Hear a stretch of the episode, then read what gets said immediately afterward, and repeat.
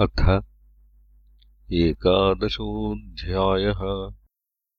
वत्सासुरबकासुरवधः श्रीशुक उवाच।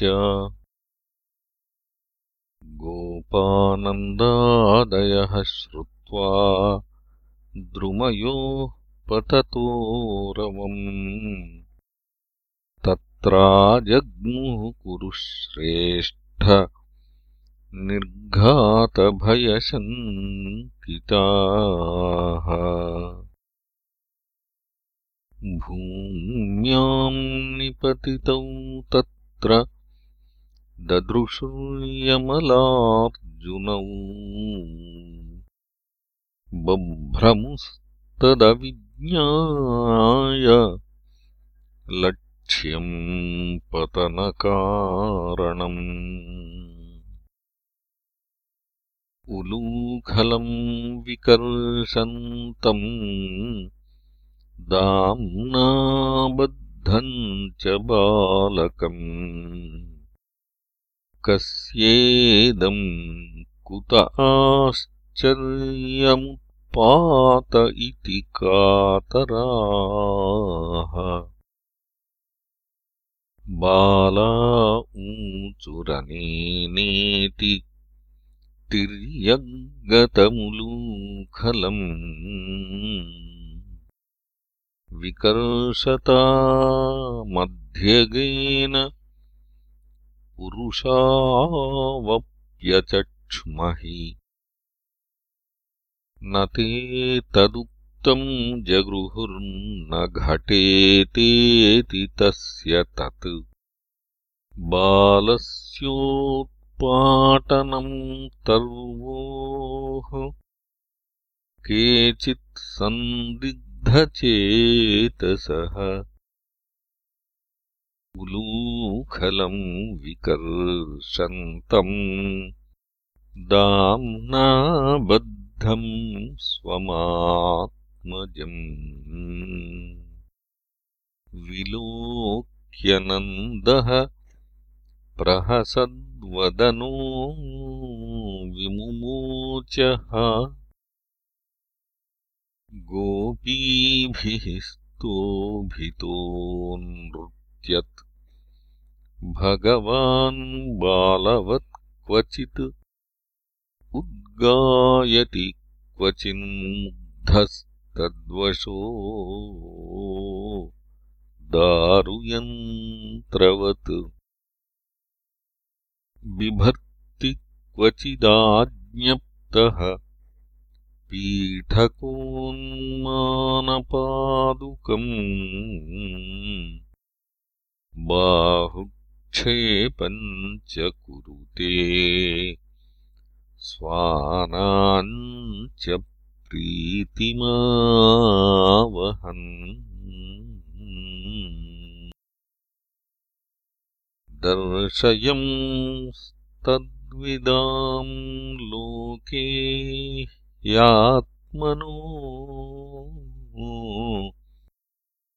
भृत्यवश्यताम् व्रजस्यो वै हर्षम्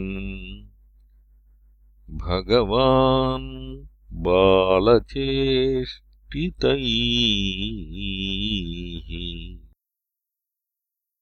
क्रीणीहि भोः फलानीति श्रुत्वा सत्वरमच्युतः फलार्थी धान्यमादाय ययौ सर्वफल प्रदः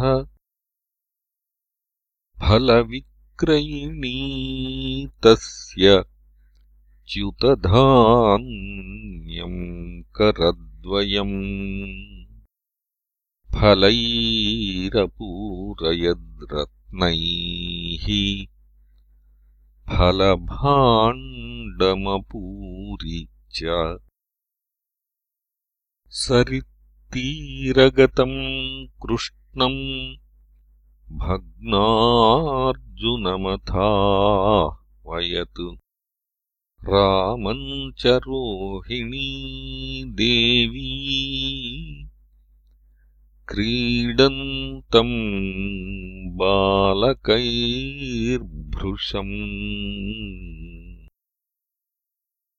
नोपेयाताम् यदाहूतौ लीलासङ्गेन पुत्रकौ। यशोदाम् प्रेषयामास। रोहिणी पुत्रवत्सलाम्। क्रीडन्तम् सा सुतम् बालैरतिवेलम् सहाग्रजम्। यशोदाजोहवीत्कृष्णम् पुत्रस्नेहस्नुतस्तनी। कृष्णकृष्णारविन्दाक्ष तातचैः स्तनम् पिब। अलम् विहारैः क्षुच्छान्तः क्रीडाश्रान्तोऽसि पुत्रक। हे रामागच्छतातासु सानुजः कुलनन्दन। प्रातरेव कृताहारः। तद्भवान् भोक्तुमर्हति। प्रतीक्षते त्वाम् दाशार्ह भोक्ष्यमाणो व्रजाधिपः एह्यावयोः प्रियम् धेहि स्वगृहान्यातबालकाः धूलिधूसरिताङ्गस्त्वम् पुत्रमज्जनमावह। जन्मर्क्षमद्य भवतो विप्रेभ्यो देहि गाः शुचिः। पश्य पश्य वयस्यांस्ते मातृमृष्टान् स्वलङ्कृतान्। त्वम् च स्नातः कृताहारो। विहरस्वस्वलङ्कृतः। इत्थम् यशोदातमशेषशेखरम् मत्वा सुतम् स्नेहनिबद्धधीर्नृपा। हस्ते गृहीत्वा सह राममच्युतम् नीत्वा स्ववाटम् कृतवत्यथोदयम्।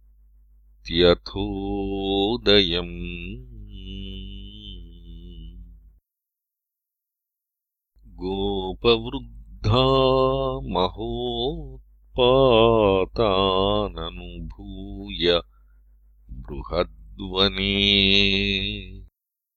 नन्दादयः समागम्य व्रजकार्यममन्त्रयन्। तत्रोपनन्दनामाः गोपो ज्ञानवयोधिकः देशकालार्थतत्त्वज्ञः प्रियकृद्रामकृष्णयो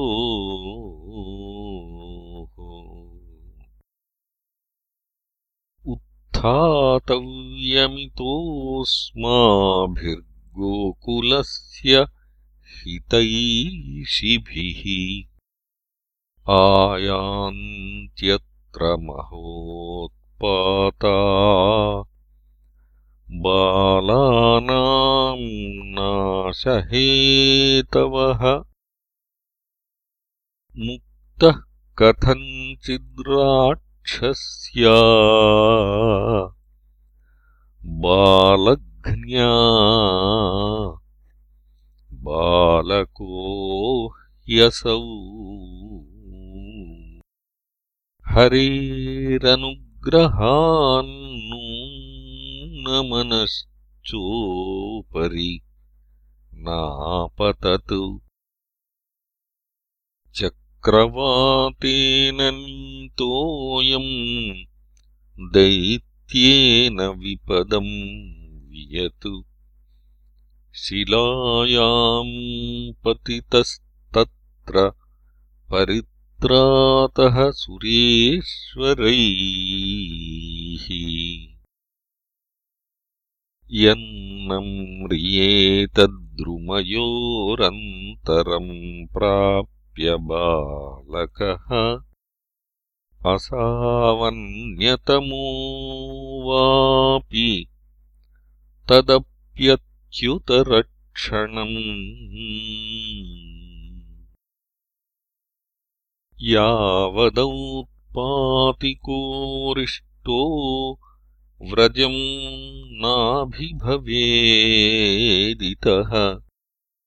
तावद्बालानुपादाय यास्यामोऽन्यत्र सानुगाः वनम् वृन्दावनम् नाम पशव्यम् नवकाननम् गोपगोपी गवाम् सेव्यम् पुण्याद्रितृणवीरुधम्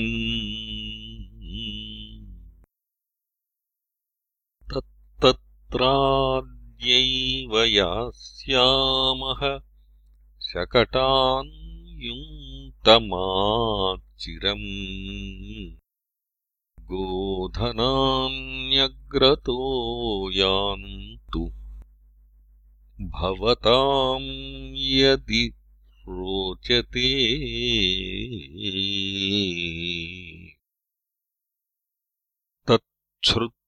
तच्छ्रुत्वैकधियो गोपाः साधु साध्वितिवादिनः व्रजान् स्वान् स्वान् समायुज्य ययू रूढपरि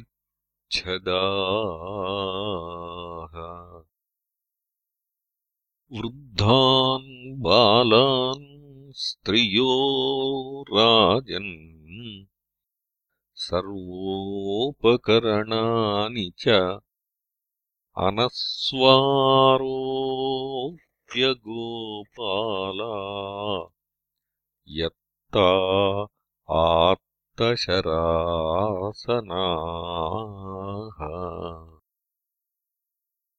गोधनानि पुरस्कृत्य शृङ्गाण्यापूर्य सर्वतः तूर्यघोषेण महता।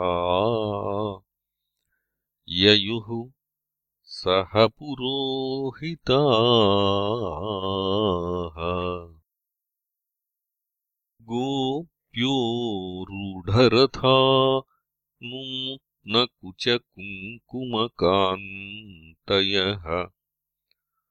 कृष्णलीलाजगुः प्रीता निष्ककण्ठ्यः सुवाससः।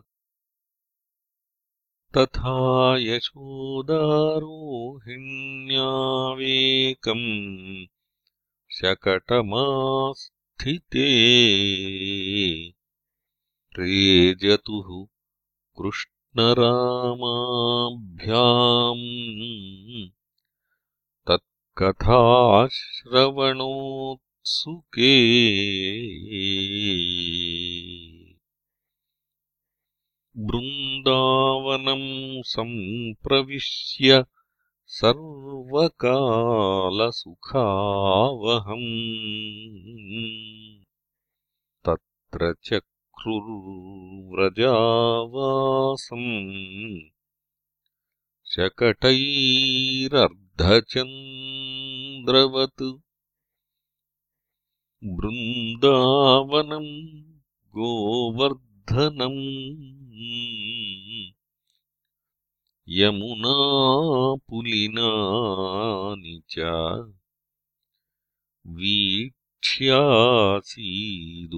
वीक्ष्यासीदुत्तमा प्रीती राममाधवयोर्नृप। एवम् व्रजौकसाम् प्रीतिम् यच्छन्तौ बालचेष्टितैः कलवाक्यैः स्वकालेन वत्सपालौ बभूवतुः अविदूरे व्रजभुवः सः गोपालदारकैः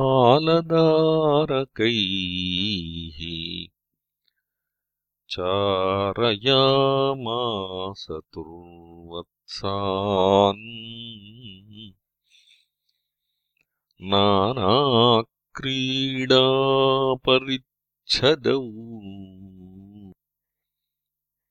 क्वचिद्वादयतो वेणुम् क्षेपणैः क्षिपतः क्वचित्। क्वचित् पादैः किङ्किणीभिः क्वचित् कृत्रिमगोवृषैः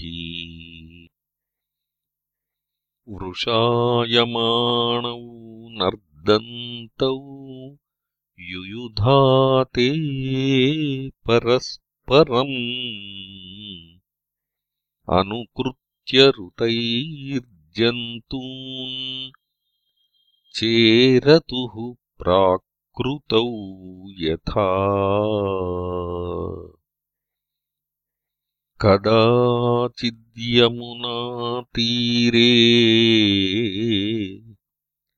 वत्सांश्चारयतोः स्वकैः वयस्यैः कृष्णबलयोर्जिघांसुर्दैत्य आगमत्। तम् वत्सरूपिणम् वीक्ष्य वत्सयूथगतम् हरिः।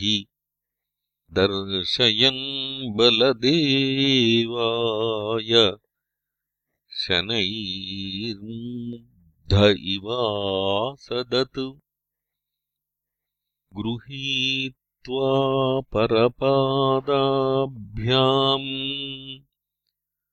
सः लाङ्गूलमच्युतः भ्रामयित्वा कपित्थाग्रे प्राहिणोद्गतजीवितम्। स कपित्थैर्महाकायः पात्यमानैः पपातः तम् वीक्ष्य विस्मिता बालाः। शशंसुः साधु साध्विति देवाश्च परिसन्तुष्टाः। बभूवुः पुष्पवर्षिणः। तौ वत्सपालकौ भूत्वा सर्वलोकैकपालकौ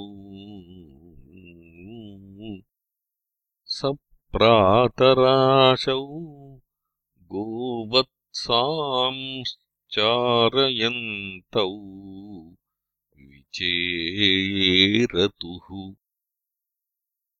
स्वं स्वं वत्सकुलं सर्वे पाययिष्यन्त एकदा। गत्वा जलाशयाभ्यासम् पाययित्वा पपुर्जलम्। ते तत्र ददृशुर्बाला महासत्त्वमवस्थितम्। तत्र सुर्वज्रनिर्भिन्नम्। गिरेः शृङ्गमिवच्युतम्। स वै बकूनाम महानसुरो बकरूपधृत्। आगत्य सहसा कृष्णम्। तीक्ष्णतुण्डोऽग्रसद्बली कृष्णम् महाबकग्रस्तम्। दृष्ट्वा रामादयोर्भकाः बभूरिन्द्रियाणीव विना प्राणम् विचेतसः। तम् तालुमूलम् प्रदहन्तमग्निवद् गोपालसूनुम् पितरम् जगद्गुरोः चच्छर्दसद्योतिरुषाक्षतम् बकः तुण्डेन हन्तुम् पुनरभ्यपद्यत तमापतन्तम् स निगृह्य तुण्डयोः दोर्भ्याम् बकम् कंससखम् सताम् पतिः। पश्यत्सु बालेषु ददारलीलया। मुदावहो वीरणवद्धिवौकसाम्।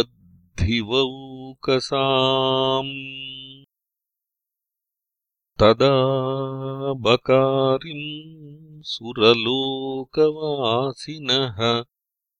समाकिरन्नन्दनमल्लिकादिभिः समीडिरे चानकशङ्खसंस्तवैः तद्वीक्ष्य गोपालसुता विसिस्मिरे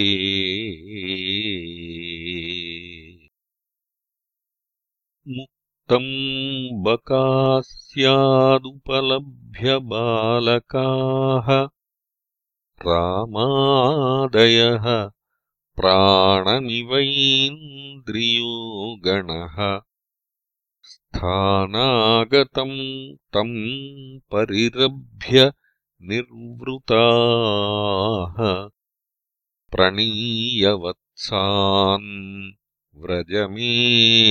व्रजमेत्यतज्जगुः श्रुत्वा तद्विस्मिता गोपा गोप्यश्चातिप्रियादृताः। प्रेत्यागतमिवौत्सुक्यादैक्षन्त तृषिते क्षणाः अहो बतास्य बालस्य। बहवो मृत्यवो भवन्। अप्यासीद्विप्रियम् तेषाम् कृतम् पूर्वम् यतो भयम् अथाप्यभिभवन्त्येनम् नैव ते घोरदर्शनाः। जिघांसयैनमासाद्य नश्यन्त्यग्नौ पतङ्गवत्। अहो ब्रह्मविदाम् वाचो।